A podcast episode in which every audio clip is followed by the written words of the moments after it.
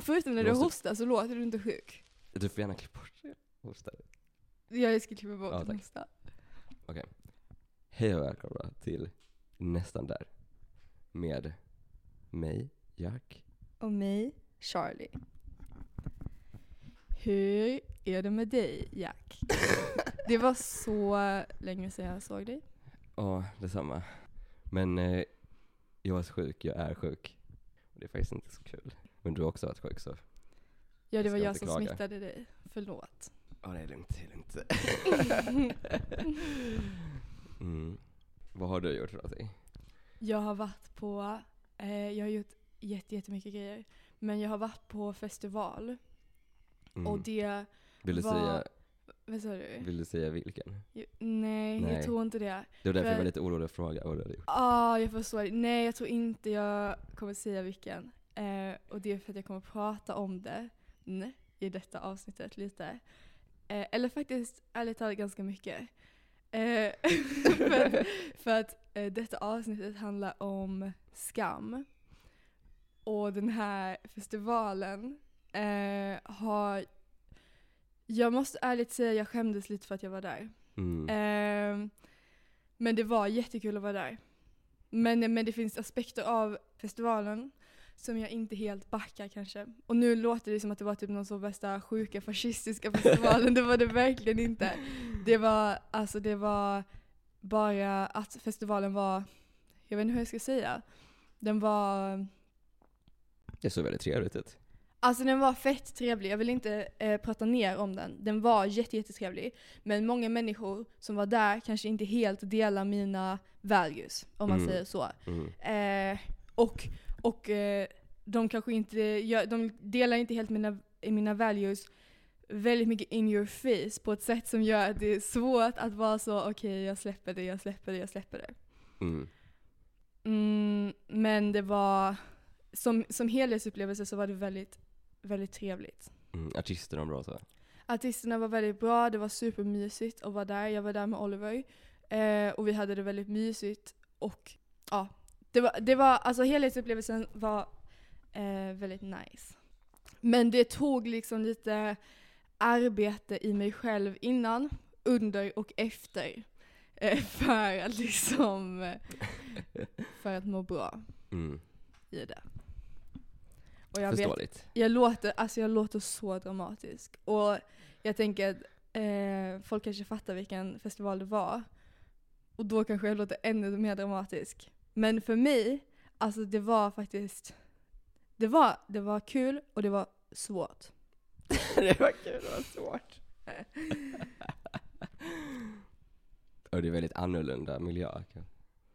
Det, ja, det, det är en annorlunda miljö från vad jag är van vid kanske. Mm. Och jag tror att många människor som jag eh, är van vid att um, umgås med delar mina values. Vad heter ens values på svenska? Värderingar. Ah, värderingar.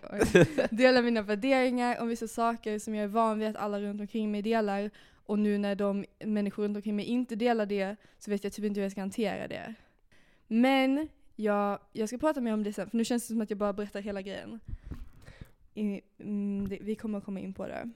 Var det det som var den första grejen? Nej, det var inte den första grejen. Okej, Men, det är en annan grej som var den första grejen. Men det här var inte ens min grej, det här var Oh, bara en det live var- update. Okej, Ja, ja, så här, ja. så här. Nu blir det ju, nu känns det som att jag bara pratar jättemycket Men också här. jag, alltså jag har inte gjort något, jag har varit sjuk liksom. Ja, det, faktiskt det här var ändå ett stort, alltså, det här var ett stort event i mitt liv. det- Verkligen. Så det är därför jag har mycket att säga. Men okej. Du kan- Du kan berätta om, om vårt nya upplägg som vi testar. Okej, så vi provar och vi väljer, vi har valt ett ämne och sen så har vi båda tänkt på det och skrivit ner lite så, reflekterat över det.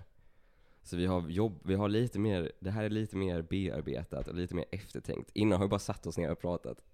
Så det kanske märks skillnad att vi faktiskt har förberett oss lite nu.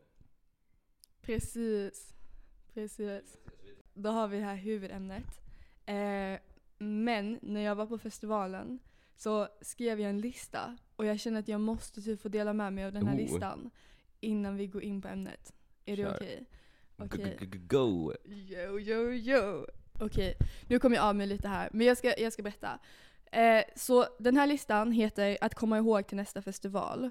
Eh, och det är att jag har eh, sammanställt fyra grejer som jag eh, så, själv gjorde, eller som jag såg andra göra och som jag tänkte shit det här är så smart. Och jag måste skriva ner det så jag kommer ihåg nästa gång jag ska på festival eller typ ska alltså campa kanske eller någonting sånt där. Att, jag, Mm. att jag gör de här grejerna. Så nu ska jag gå igenom det då. Den första grejen är att stormkök, alltså det är underskattat. Folk, alltså många använder stormkök och så, Mm. men det är så fruktansvärt trevligt. För man tar med massa, vi hade då stormkök med oss, och man tar med man, tar med, man tänker det är smart att ta med typ konserver och sånt, för att det tar inte så mycket plats. Det väger jättemycket, det smakar alltså äckligt, det smakar skitäckligt. Det är dyrt och sånt där. Tog ni med ravioli? Ja, alltså vi gjorde, vi gjorde halva delen rätt. Vi tog med stormkök, men vi tog med alltså äckliga konserver. Och då satt vi, någon satt bredvid oss, de hade med sig en skärbräda, en kniv, och så hade de med sig liksom, alltså bara massa grönsaker och sånt. De, Ah. gjorde, de lagade gourmetmat. Alltså de lagade så god mat. Och de hade, de hade med sig mi- alltså mindre grejer än oss. Mm. Wow. Jag blir inspirerad. Nästa gång jag, kommer jag inte ta med eh, konserver, jag kommer ta med recept. Alltså jag ska laga deliciousness. Färska råvaror. Mm. Nästa. Kryddor och sånt. Ja, alltså ta med, du behöver liksom ta med bara lite. Lite det du behöver bara. Och du kan laga, alltså tänk så här, du ska, eh, tänk, okej. Du ska laga en potatis och purjolökssoppa. Du tar med typ tre potatisar, en purjolök, en buljongtärning. Mm. Och smart, man kan typ förbereda det som en liten påse. Exakt, exakt. Du får istället för att ta med liksom en stor konserv med inte god soppa, så lagar du soppan mm. och du har en jättegod soppa. Smart. Det var smart. Nästa, ta med en batteridriven Just det, ljusslinga. jag tog en batong. ta med batong. Jag hade, nej. Jag ska inte göra det. Men eh, Förlåt, förlåt, vad sa du? eh, ta med en batteridriven ljusslinga och. Oj, så man kan oj, sätta upp oj, oj. det. Fatta?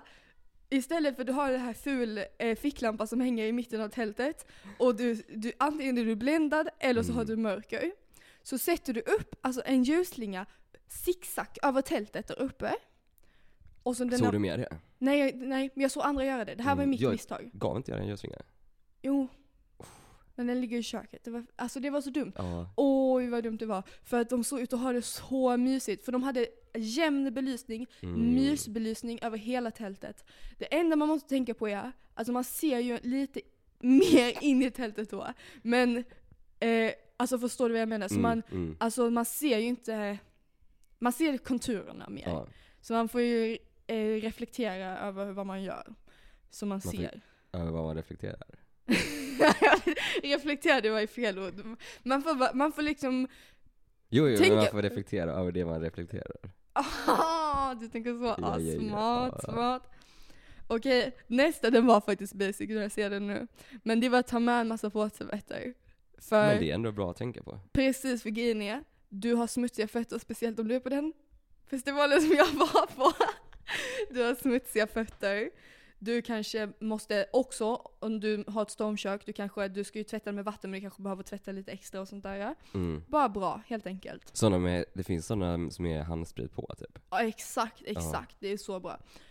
Sista då, och det här är kanske den viktigaste av alla. Den här hade vi, okej vi ha- hade alla förutom ljuslingen. Eh, och det var life changing. Det gjorde, alltså det, det gjorde så den här eh, festivalen gick från kanske en, en eh, sjua till en tia. Okej? Oj. Det är, man ska ta med sig en picknickfilt. Mm. Och på natten så ska man ha picknickfilten längst ner i tältet.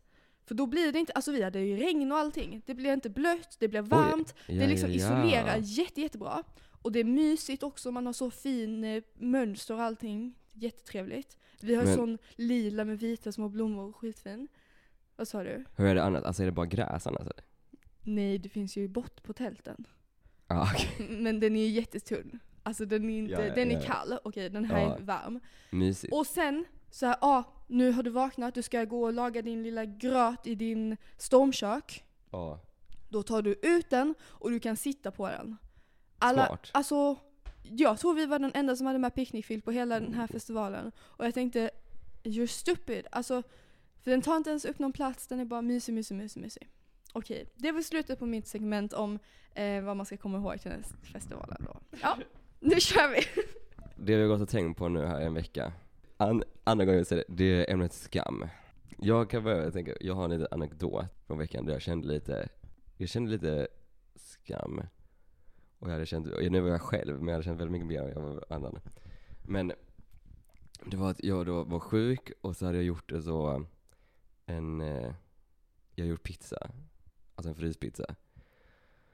Och så kände jag så, ah, livet är jobbigt, jag skulle gå liksom, jag frös jättemycket, feberfrossa, jag skulle krypa ner i sängen och äta den här pizzan.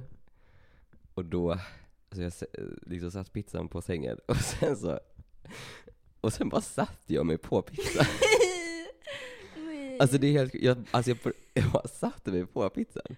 Och då började jag tänka, och det tänkte jag också på, och då fick jag så flashback för att jag har sagt det innan, men det är helt sjuka att jag har faktiskt halkat på bananskal. Och det är också lite eh, jag var bara för tänka på det så här, ja men när man eh, gör olyckor, och så, så. Mm. Då, för då, alltså när jag, eller så här, jag vet inte, det var bara så sjukt att halka på bananskal. Och då, då kände, då skäms man lite.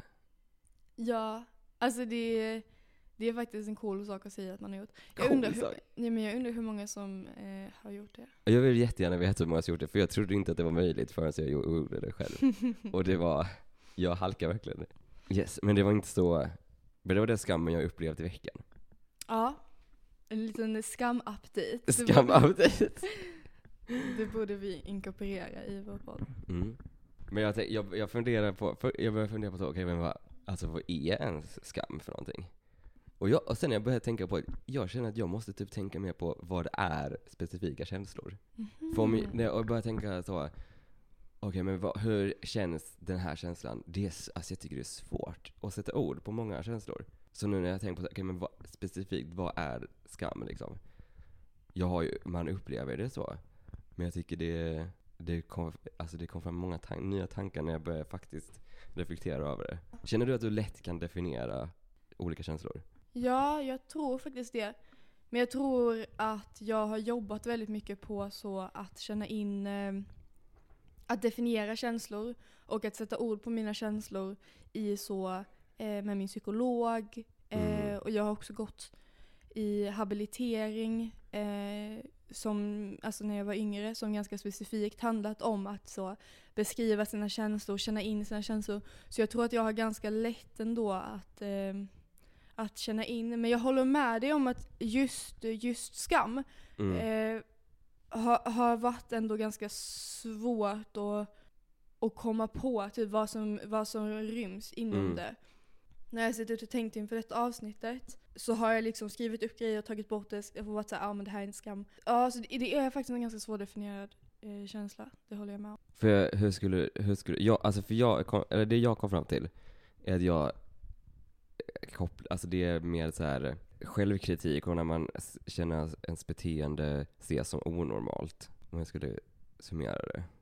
Ja, jag, alltså för mig så tror jag att skam är både en, det är typ uppdelat i två kategorier kanske. En känsla som kommer inifrån mig själv Mm, och en känsla som är påtryckt från andra. mm, Ehm, och, jag, och jag tror att när jag har tänkt på det nu så har jag försökt ändå att dela upp det lite i liksom känslor av skam som, som bara är liksom uppkommet i mig själv mm. och känslor av skam som yttre, yttre kontexter liksom har, har, har pushat på mig, förstår du? Mm.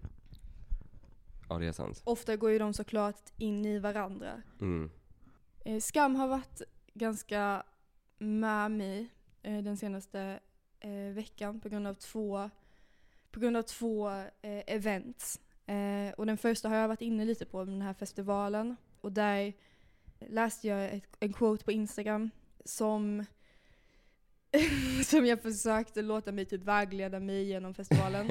eh, jag skickade den så du fick den också. Ja. Det var en söt liten katt i bakgrunden. Och det, den var You must let go ja. You must let go of your fear of being cringe in order to be free. Mm. Ja, det fick jag jobba mycket på.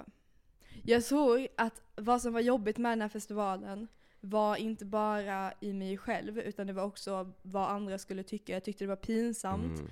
att andra människor skulle se mig gå till den här festivalen. Alltså jag tror att om man ser på mig så tänker man ah, klart du går på den festivalen.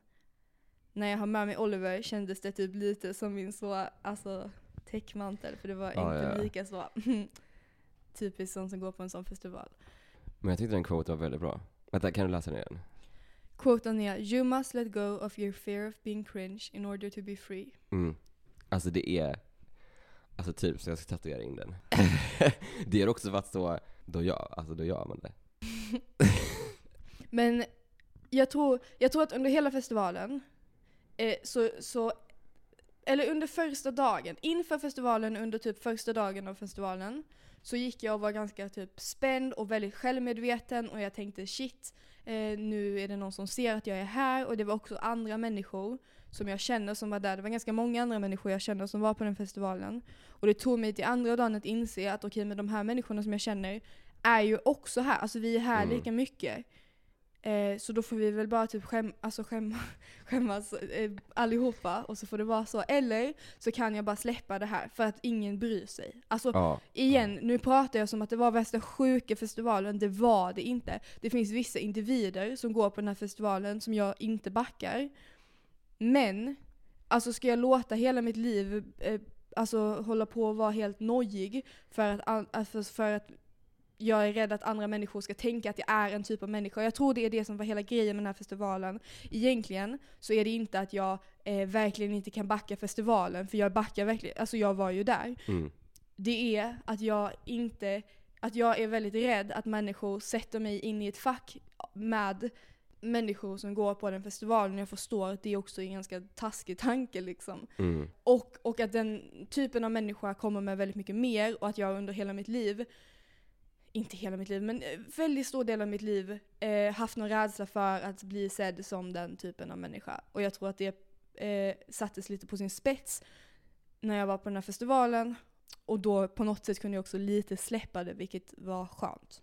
Du kunde, alltså, du kunde leva efter den quoten lite? Jag kunde leva efter den quoten och jag tog faktiskt till och med av mig skorna under en dag och det var alltså äckligt men I did it.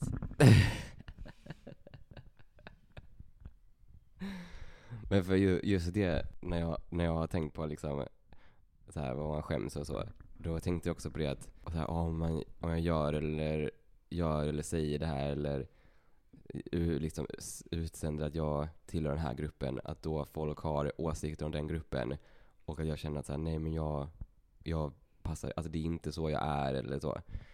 Att där kommer typ mycket, mycket skam. Och så, men att man, så försöker man så här, det blir typ, en, det blir typ mer pinsamt för att så här, försöker dölja typ att man tillhör det eller tycker om det eller så här. Men det går ju inte för att, ja, det är vissa saker lite svårt att dölja kanske. Eller så här, någon annan säger det, eller jag vet inte. Det bara, så det blir typ ännu mer konstigt då. Och det blir typ ännu mer skam över det. Så här, åh nej vänta, nu har jag försökt dölja, nu fattar du att jag har försökt dölja att jag typ tycker om detta. Och det blir typ ännu mer pinsamt. Mm, verkligen. Men jag, jag tänker på det utan att gå in på det för mycket så, och jag står bakom vad vi har beslutat. Så även typ när vi har pratat om att vi ska göra den här podden så har vi ju ändå bestämt ganska många ämnen som vi inte vill beröra. Eh, och det, alltså det, jag kommer inte beröra dem för jag står bakom att vi inte gör det. Men alltså, jag tycker skam är bra. Eh, men vi har ju ändå valt att säga, okej men det här pratar vi inte om. Eh, också för alltså så olika anledningar. Jag kan inte säga för då fattar man ju vad det är. Men du fattar. det är också drivet, alltså för mig, jag vet inte hur det är för dig, men för mig är det ju drivet av eh, rädslan att bli associerad med vissa saker och eh, skam. Mm. Här, vad är det för ämne? Hela det här eh, avsnittet är så kryptiskt. Typ det är bara vi som vet hur vi pratar. Jag har varit på den här festivalen så jag inte kommer nämna namn av jag... Jag tror att alla fattar vad det är för festival. Men det, alltså, ja. Det är ju lite kul. Det är ju lite kul. Okej, men min andra grej som är orelaterad till festivalen skulle jag säga, är, eh, jag vet inte om det var jag eller den personen som eh, skrev först. Men en väl, vi säger att det var den andra personen, det kan vara jag också. Eh, en, en person som jag var ganska nära vän med för mm, kanske fem år sedan eller någonting. Eh, vi hängde inte jätteofta men vi var liksom emotionellt nära, Mm. eh, om man säger så. Eh, skrev till mig eh, och vi skrev typ så, ah, synd att vi inte pratar längre. Eh, in, alltså inte en lång konversation. Men, men på något sätt så drog det ändå igång mycket eh, tankar om hur jag var när jag var med den personen. Mm. För jag vill, alltså, det här är inte en kontaktannons då, men jag uppskattar den personen så otroligt mycket. Och den har hj- hjälpt mig växa så himla himla mycket. Och jag vet att, jag har, alltså att det är ganska ömsesidigt. Ehm, men så som jag var när jag var med den personen är någonting som jag skäms över. Eller jag skämdes över det. Och när, den, när jag började skriva med den personen så ville jag skriva kanske så, ja ah, men vi, jag hade gärna velat ses igen. Eh, men sen så var det som eh, kanske höll tillbaka mig mycket också att jag tänkte shit, den människan ser mig som den som jag var för fem, Mm. eh, kanske till och med sex år sedan nu, jag vet inte hur länge sedan det var. Eh, och det, det kändes så himla pinsamt för jag kommer att tänka på alla grejer som jag har sagt till den personen. Eh, liksom politiska grejer eller grejer, reflektioner om mitt liv, reflektioner om mig själv. Eh, och jag tänkte så, gud vad, eh, vad dum jag var. Alltså jag kan inte alls backa de grejerna jag sa. Och, och på inget sätt kan jag kommunicera till den människan att jag Mm. inte längre backar de grejerna. För det har gått så många år nu och vi har inte pratat. Ja men det, på något sätt det kom typ en skam över mig över hur jag var när jag var yngre. Och sen så fick jag påminna mig själv att okej när, jag, när jag kände den här människan Dels så var jag på en så otroligt dålig plats i livet. Jag mådde verkligen alltså väldigt, väldigt dåligt både Mm. i, eh, inom mig själv och av yttre, yttre anledningar liksom. Eh, och, men främst, jag var alltså ett barn. Jag var verkligen liten. Och, och, att- och många politiska grejer och sånt jag sa, de hade precis, precis kommit till mig. Jag hade inte haft mer än kanske två, tre dagar på mig att reflektera över dem innan jag sa dem. Och, och, och jag slogs över så, någon tvådelad grej att säga, ja absolut, att jag fortfarande kanske känner så, oj, jag hoppas inte den människan eh, tänker att jag fortfarande är sån, men också så, Mm. ja men då kanske det är, nu, nu, nu tror jag verkligen inte det är det för den här människan är otroligt klok och alltså eh, rakt igenom liksom klok. Så jag tror inte den tänker det. Men om den tänker det så är den ju också på den att den tänker att jag är som jag är nu, alltså när jag var eh, jag vet inte, 14, 15 eller hur gammal jag var, som jag är nu. Men, men det fick mig liksom att tänka på så hur, eh, dels hur långt jag har kommit som människa, men också hur taskigt det är av mig att gå runt och skämmas över eh, lilla jag. Mm. För att jag jobbar ju liksom med barn och så nu, och jag ser ju hur, sm- alltså hur små de är. De som är så gamla som jag var då. Och jag skulle ju aldrig förvänta mig att de skulle liksom ha utvecklat värsta så ideologin, förstått sig på hela samhället, förstått sig på sig själv. Och också typ så vissa emotionella eh, du vet, så reaktioner jag hade på grejer som hände som inte kanske jag hade haft idag. Alltså det är ju Alltså såklart jag hade det för jag var ju skitliten. Och det, jag har, vet också, alltså det är vissa personer som, eller flera som jag liksom, ja men typ har, har, har känt när jag var mindre, inte träffat på några år. Alltså jag tycker bara att alltså tanken att träffa dem nu, är också, det känns skitjobbigt.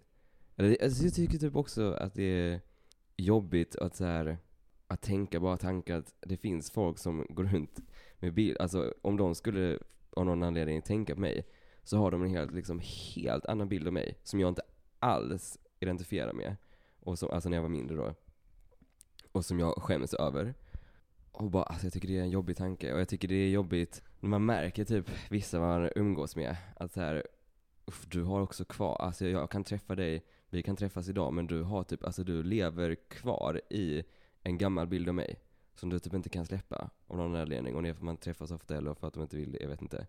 Alltså det, är jobbigt. Det är verkligen jobbigt. Alltså jag, jag, för mig, jag känner att jag har så otroligt, alltså sån otroligt lång distans från mig själv när jag var yngre. Alltså av natur, alltså man utvecklas ju som du sa, man har inte man är inte färdig i huvudet. Jag kanske inte ser det nu. Nej, det tror jag inte du. Nej, jag kommer säkert ha, inte gilla mig själv så det är, det är bara så här, det känns som att det är en liten, alltså en liten person som typ finns kvar och att det är vissa som håller kvar den vid liv. Jag tycker det är intressant det du säger med en liten person. För att jag har tänkt ganska mycket på eh, mig själv i olika delar av liksom att börja må bättre och att börja alltså, älska mig själv och sånt där. Har jag tänkt på mig själv som alltså, att jag har en liten mig i mig själv. Och jag tror att det har eh, på många sätt hjälpt mig väldigt mycket också. Och det var i, i denna situationen när jag började tänka på mig själv som kanske 15-åring i relation till den här personen. Det som fick mig att kunna vara så, alltså verkligen släppa det, Mm. var att jag, att jag såg mig då, inte som mig nu, utan som mig som fem- 14-15-åring, alltså som Mm. ett barn. Och då, hade jag, då gick jag in med förväntningarna på mig själv som en 14-15-åring. Men Mm. vad jag kom att tänka på när du sa det här var, eh, för jag tror med vänner så, så, så har jag nog lättare att göra det nu när jag börjar tänka på det. Men de känslorna som du förklarar känner jag så otroligt mycket inför min familj. Mm. Att, och jag tror det är en ganska vanlig grej, att eh, också klart inför vissa, vissa kompisar också, att jag verkligen relaterar till det du säger.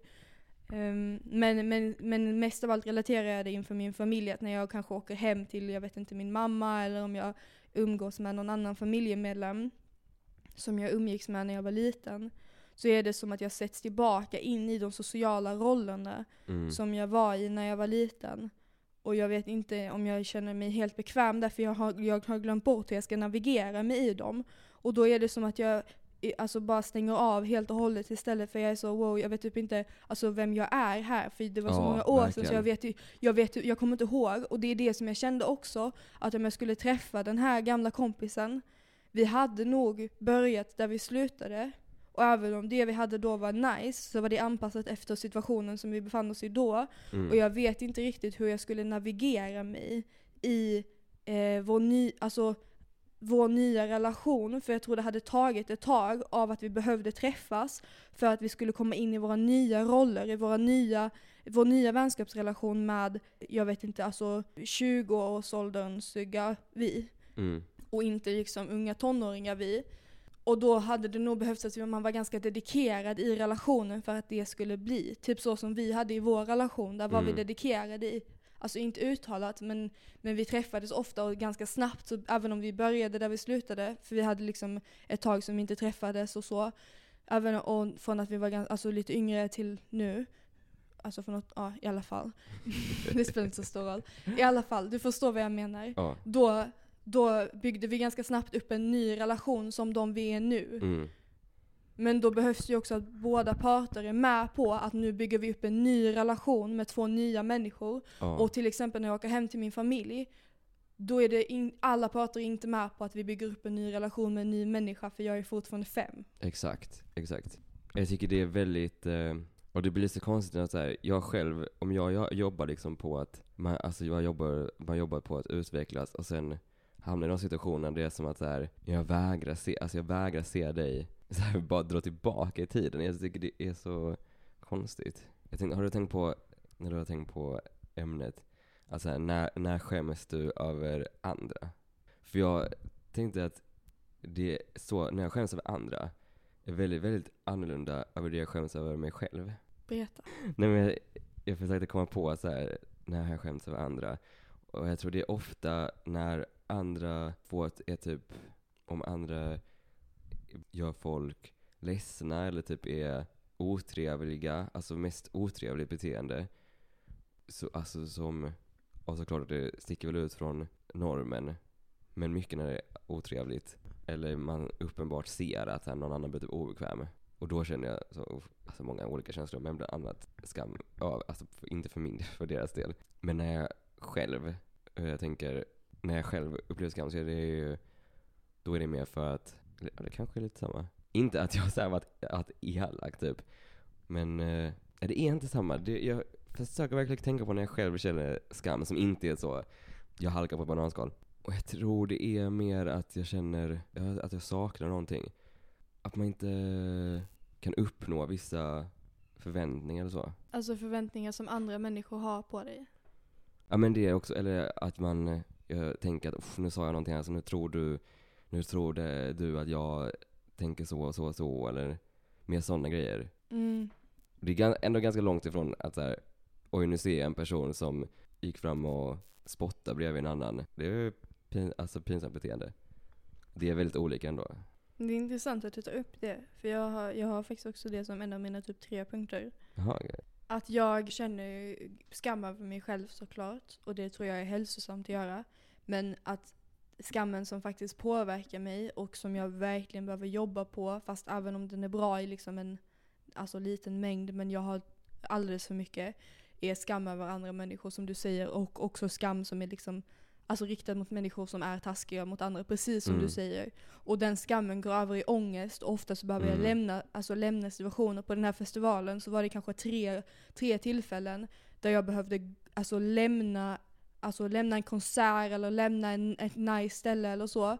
För att jag fick ångest över att någon annan puttade någon eller någonting. Och det är ju alltså det, det är ju alltså bra att ha medkänsla men ibland jag tror att det kanske går lite överstyr för mig. Mm.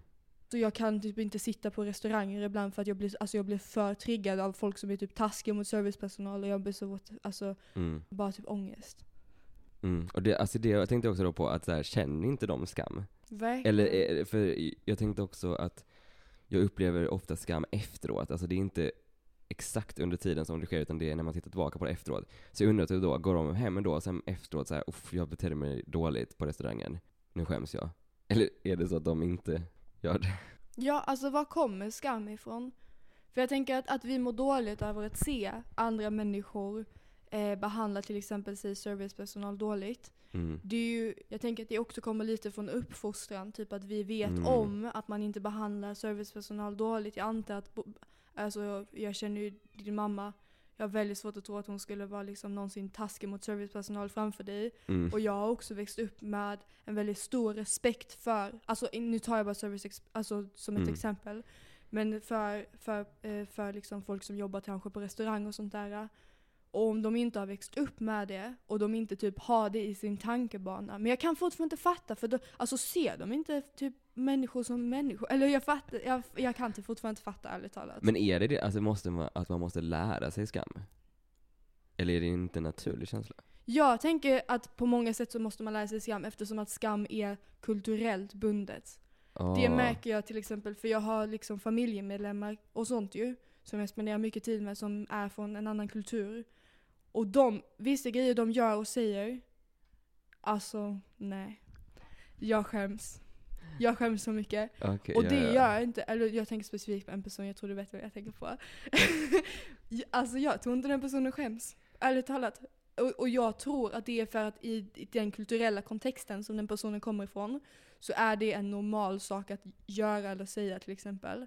Ja. Eh, och vissa grejer som jag gör eller säger, som inte jag, som jag tänkte var typ normala, kan hos andra människor som är från en annan kulturell kontext har jag märkt vara som såhär oj that's kind of offensive typ. Ehm, för det är typ kulturella koder och sånt Mm. där. Och så också typ jargong och sånt. Och på det sättet tänker jag att det kanske är en inlärningsgrej ändå. Och det är väl så, när du säger det, för det är väl typ mycket som är skam man känner, man skäms över. Det är ju för att det är onormalt. Att jag har ett, så här, jag är det ett beteende som sticker ut. Det är konstigt, det är onormalt så. Och såklart så är det normalt, det är inte samma överallt. Precis, precis. Det är väldigt sant. Det måste vara så svårt att liksom hamna i en helt ny alltså kulturell kontext, fl- flytta, flytta till ett nytt land eller så. Om, man, om, om det är en kulturell kontext som alltså skammässigt och typ normmässigt på det sättet skiljer sig. Mm. För man måste ju göra bort sig typ tusen gånger. Alltså göra bort sig gör man ju inte men typ för enligt resten av människorna i rummet innan man typ lär sig. Jag kan inte ens tänka mig. Men det är väl vad, eh, alltså, ja. Det är väl vad man, vad man ser själv upplever som normalt. Och då, om det upplevs som normalt så skäms man inte över det. Precis. Har du någon annan grej? Eller, för jag känner jag pratat fett mycket så jag vill typ inte alltså, ta upp min sista grej som är jättestor nu direkt efter. Men du kan ta upp det så kan du, kan jag kommentera. För annars känner jag att jag alltså, pratar Skäms du för då? mycket. ja, alltså det är faktiskt en, alltså jag tror att den här podden är en intressant eh, grej. Alltså en, eller en intressant sätt att eh, tänka på skam typ. Mm. För jag skäms så otroligt mycket mindre över podden än vad jag trodde jag skulle göra. Alltså jag delade den Ja, det är öppet. sant. Alltså jag trodde jag skulle tycka det här var jättepinsamt. Jag tycker inte, alltså för fem öre är det pinsamt ärligt talat. Jag delade den och då, jag går ändå igenom värsta så identi alltså inte identitetskrisen, röstkrisen. Märker du jag pratar alltså lugnt nu? Fast jag kanske gör det ibland också. Pratar jag så här i vanliga fall? Eh, jag tror lite annorlunda när vi sitter vid bordet.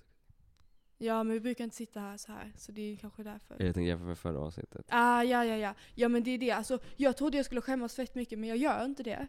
Ehm, men det enda jag är, är, är kanske självmedvetenhet. För jag, jag känner typ jag pratar så mycket mer än du.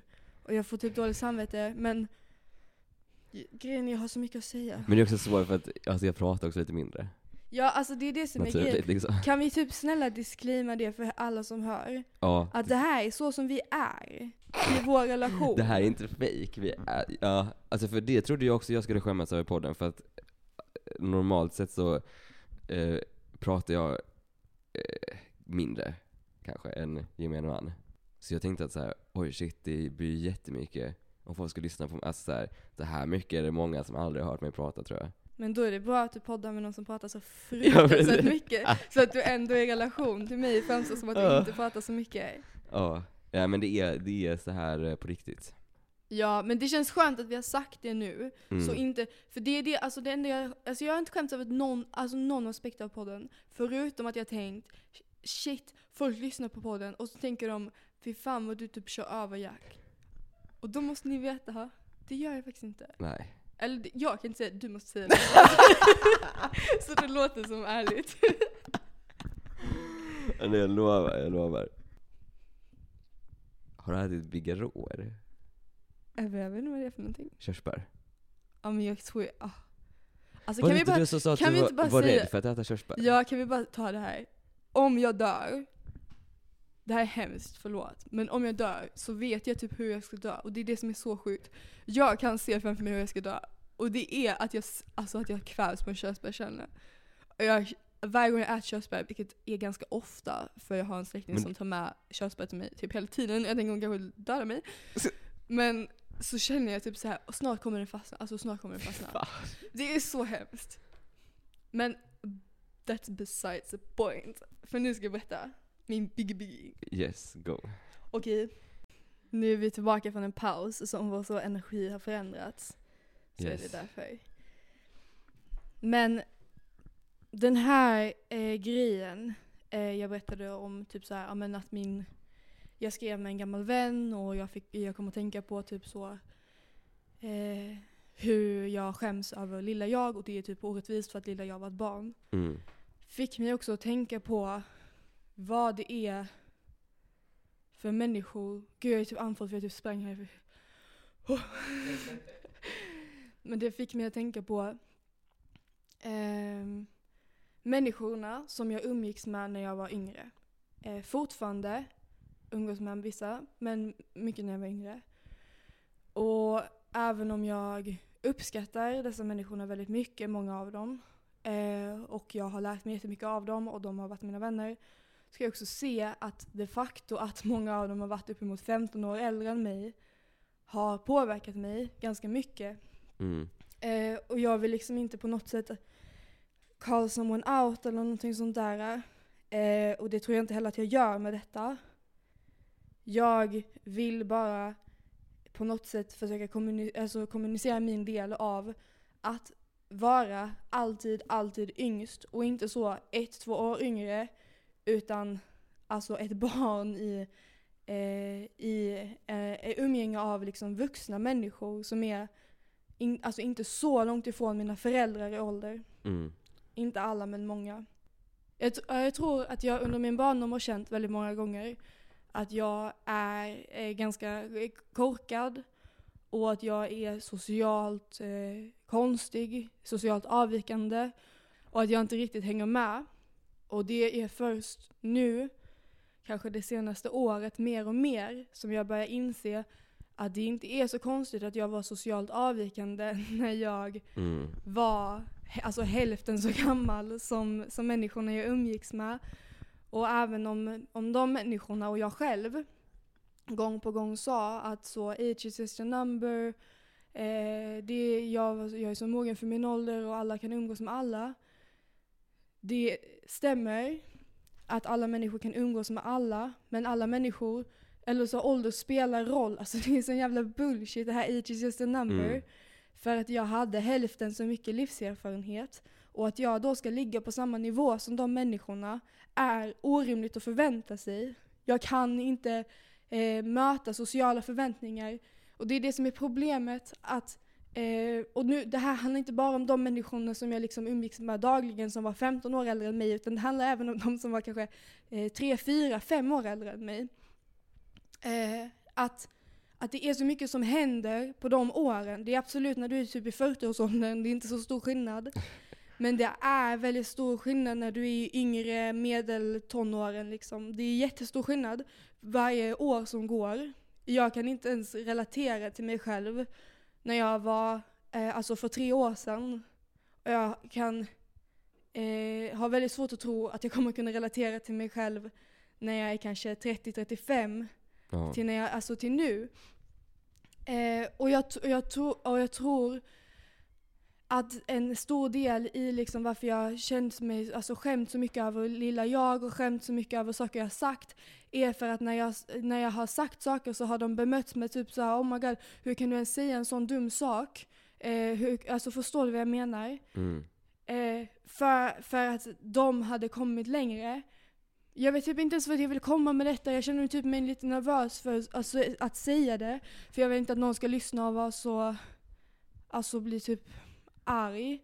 Eh, och som sagt, jag har alltså många relationer kvar som jag värnar jättemycket över. Inte med de som var så mycket äldre då såklart. Men, men jag känner typ ändå att jag vill ta med det. För jag kan inte prata om skam utan att prata om roten till ganska mycket av min skam. Förstår du? Mm. Och jag vill liksom inte alltså call someone out, men också hur, hur, hur umgås man med en, en 14-åring när man liksom är 25 plus och, och förväntar sig att en 14-åring ska möta en på samma plats i livet som en själv är. Mm. Det, alltså det är så här, absolut, man kan, vara en, man kan säga så, men du är en mogen 14-åring, men du är inte en mogen 14-åring. Alltså du är bara en 14-åring som har lärt dig hur du ska prata med vuxna människor. Så pers, alltså, innan Oliver så har jag aldrig dejtat någon som har varit jämnårig med mig själv. De har varit ett absolut minimum på två år äldre än mig. Och bara två år, när du är liksom tonåring, det är skillnad. Det, Ja. Alltså det är skillnad. Men hur det, på, alltså det påverkar en att sätta, alltså ha helt andra alltså, förväntningar på sig. Jag tror, ja jag tror att det, alltså det du sa om att, att skam är en känsla av att vara avvikande. Att när du, när du är 14 och umgås med 14-åringar, då är dina 14-åriga beteenden inte avvikande. När du är 14 och umgås med 24-åringar, då är allting du gör och säger avvikande. Mm. För att du kan omöjligt vara som en 24-åring. Och när, eh, när de 24-åringarna eh, har inkluderat dig i, i gänget precis som om du var liksom 24.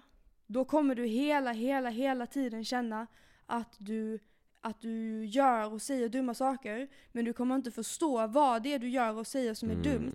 För du har, du har inte fått tiden eh, mellan 14 och 24 att inse vad det är du säger och gör som är dumt, varför det är dumt. Okej, du utvecklas, du hittar ditt eget sätt att se på det. Eh, och det är inte heller att säga oj, du är 14, nu blir du 24. Utan du är 14 och du bara, du bara är dum. Mm. Alltså, eh, och det här, är, det här är inte att jag vill eh, så klaga på eh, mina vänner eller klaga på min upp, uppväxt eller någonting. För det var så nice på så många sätt och jag, och jag var ju en del i det för jag har ju valt att vem jag vill hänga med. Det här är bara eh, kanske också om, om du lyssnar och du är 30 vad fuck vill du hänga med en 15-åring för? Alltså vad är det för utbyte du vill ha? Om du är alltså 15 och det, och det är någon 30-åring som är så, ja ah, men vi är bara kompisar. Det, alltså det spelar ingen roll om det inte är typ en romantisk eller sexuell relation. Det är fett weird, alltså det är faktiskt det. Vad, vad, är det ni, vad, är det du vill, vad är det ni vill åstadkomma? Du är, in, alltså du är ett barn. Jag, alltså jag vet inte om det är någon preach jag vill göra eller vad det är jag vill göra för någonting. Jag bara vill reflektera över att situationen var konstig. Mm. Eh, jag har nu börjat acceptera att jag, att när man är 13, oavsett hur många som säger att åh du är så mogen, wow du är så vuxen, så är du fortfarande ett barn när du är 13. Och, eh, och att eh, även om andra människor då, inte min familj eller så men alltså min, du vet eh, de människorna jag umgicks med och så, Mm. hade förväntningarna på mig att jag skulle vara vuxen, så kan jag nu i efterhand sätta förväntningarna på mi, min dåvarande jag som ett barn. Mm. Förstår du vad jag menar? Mm. End of story. Drop the mic. Ja, nej men jag tror, alltså även om det är också jobbigt så man känner, och jag skäms av mig själv när jag var liksom 12, 13, 14, alltså det är ju, det är ju ändå positivt. För man skäms ju för att man har utvecklats. Och det, man måste ju gå, alltså man måste ju gå igenom de sakerna, man måste ju ha det liksom skämmiga beteendet och ja, prova saker som, stick, som sticker ut och, och så vidare. Och så vidare. Och det, det, det blir ju, som du säger, i den situationen, om man inte liksom tillåts att leva i det utan att skämmas i stunden, så blir det ju det är jättejobbigt. You must let go of your fear of being cringe in order to be free. Jag tror, om man har en, man måste ha liksom en, eh, en, rimlig, en rimlig mängd skam. Alltså det är typ såhär, tänka att, nej men jag är inte, jag ska inte vara taskig mot serv- service, servicepersonalen. För det skäms man över. Det är bra.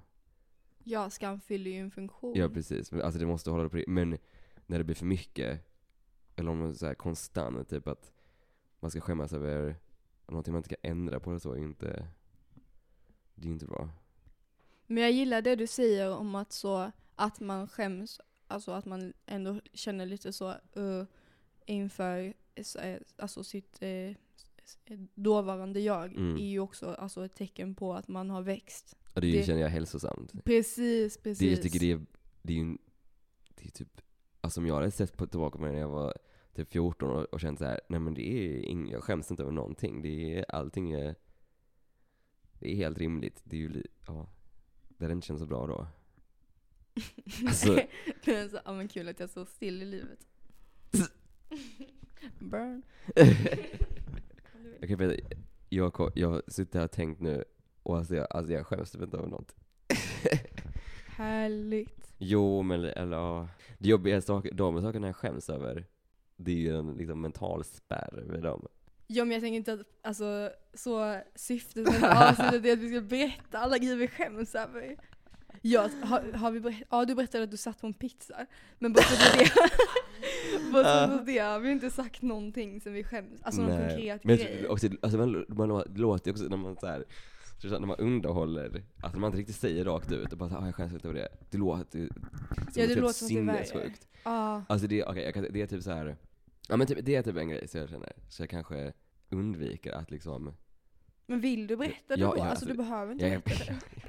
Men det är typ så, vad jag gillar att kolla på typ youtube. Och det är inte för att det är något sjukt, men det är bara för så här. Oj fast det är faktiskt intressant, det är typ ja. intimt. Berätta. Ja, men det är typ, eh, om jag tycker om att kolla på, ah, vänta jag ska ta upp här, ett- jag ska ta upp ett exempel. Gud vad spännande. Alltså det här det känns här som att undviker jag verkligen av att säga. Det, men detta är så spännande, för när man är, alltså vi är ändå väldigt nära vänner och det känns som att jag tar del av väldigt många delar av ditt liv. Men Ja. vissa grejer, till exempel vad du kollar på på youtube, Ja, vet jag inte om dig. Och Nej. det är så, alltså så, det känns som att jag får en inblick i ditt, eh, ditt hemliga eh, ensam-jag typ. ja, ja men det är verkligen så.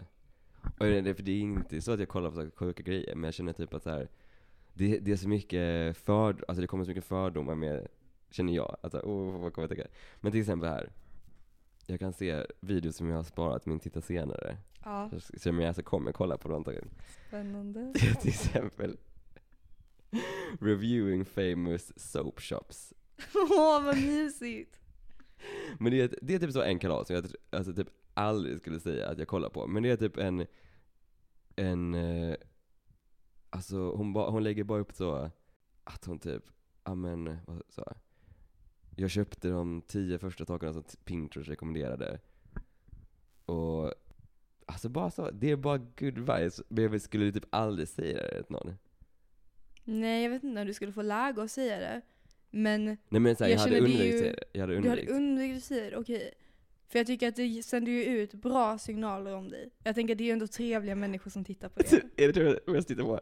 We tried every Kardashian slash Jenner brand, worth the money? Frågetecken. Vad, the worth the money? jag, jag minns faktiskt inte. Men det, är- ja men typ så. Det här, det, det undviker jag att säga. Vi tittar inte så mycket på YouTube tillsammans. Vi tittar på Nej. typ Netflix och SVT Play. Men det är för, alltså för jag känner det är så, alltså det är ändå personligt. Det är jättepersonligt. Också sagt, jag känner det är så, alltså jag känner typ att jag kan, det, alltså så här, vad man kollar på YouTube, vad man har, alltså, vad man konsumerar för media typ. Att det undviker jag att prata om gan- mycket. För jag känner att så här, oh, Usch, Det kan den vara är typ den pinsamt. värsta när folk är så Alltså nu har jag börjat släppa det, men det är ju typ att jag bara snor mina kompisars spellistor. Men när folk är så Åh, vad lyssnar du på för musik? Kan du starta lite musik? Vi hade ju, jag vet inte om jag ska säga detta, men vi hade ju ett, ett yrke där den frågan dök upp ganska ofta. ja vi har fått den frågan. Vi har fått den frågan många gånger. Och det är, alltså man vill gråta. Nej, nej, nej. Vad ska man ens starta? Gud, nu är det någon alltså, motorcykel här. Vad brukar du svara på den frågan när du fick den Alltså jobb? jag brukar säga så här.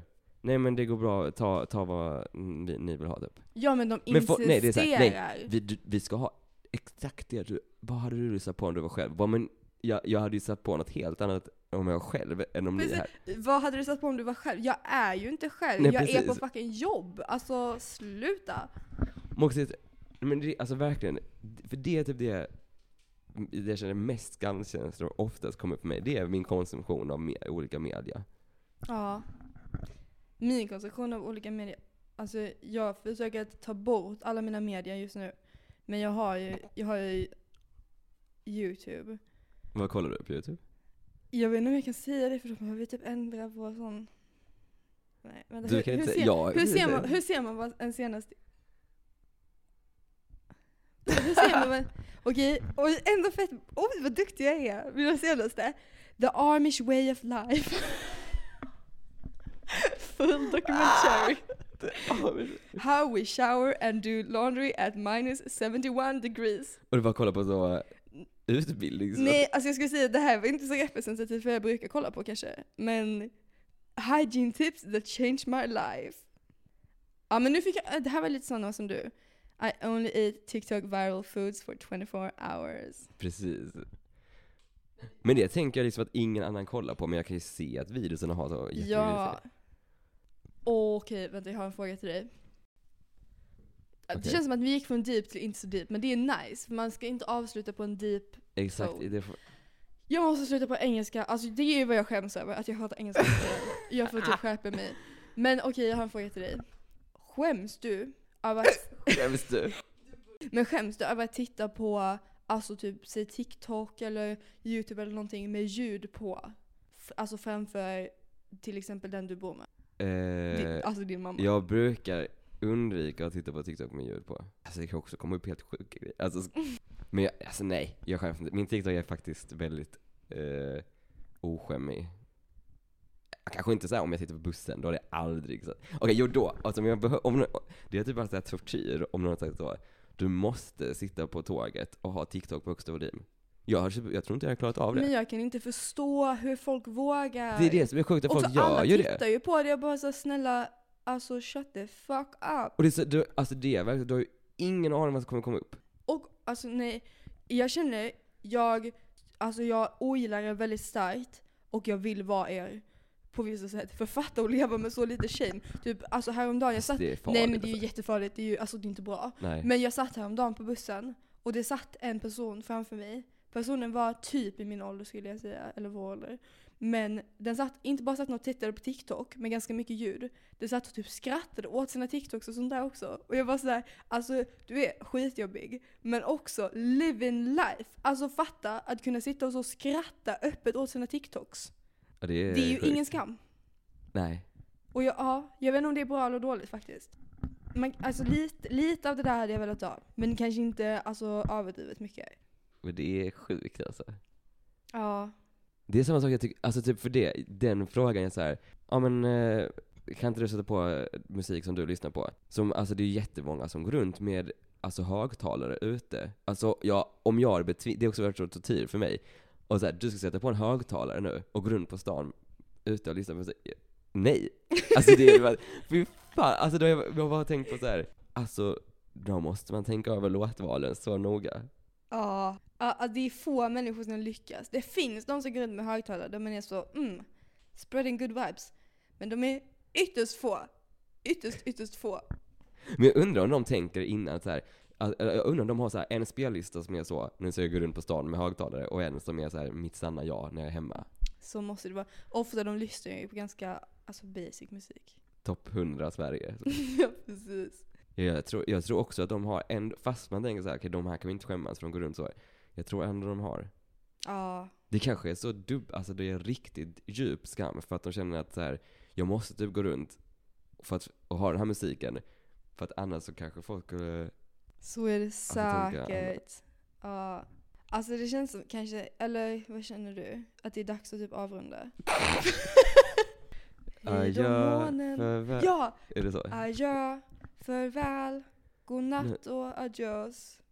Oj, adjös! adjös. Nu skäms går jag. Skam, skam. skam, skam, skam. Vänta, vänta, vänta. som jag för allt känns bra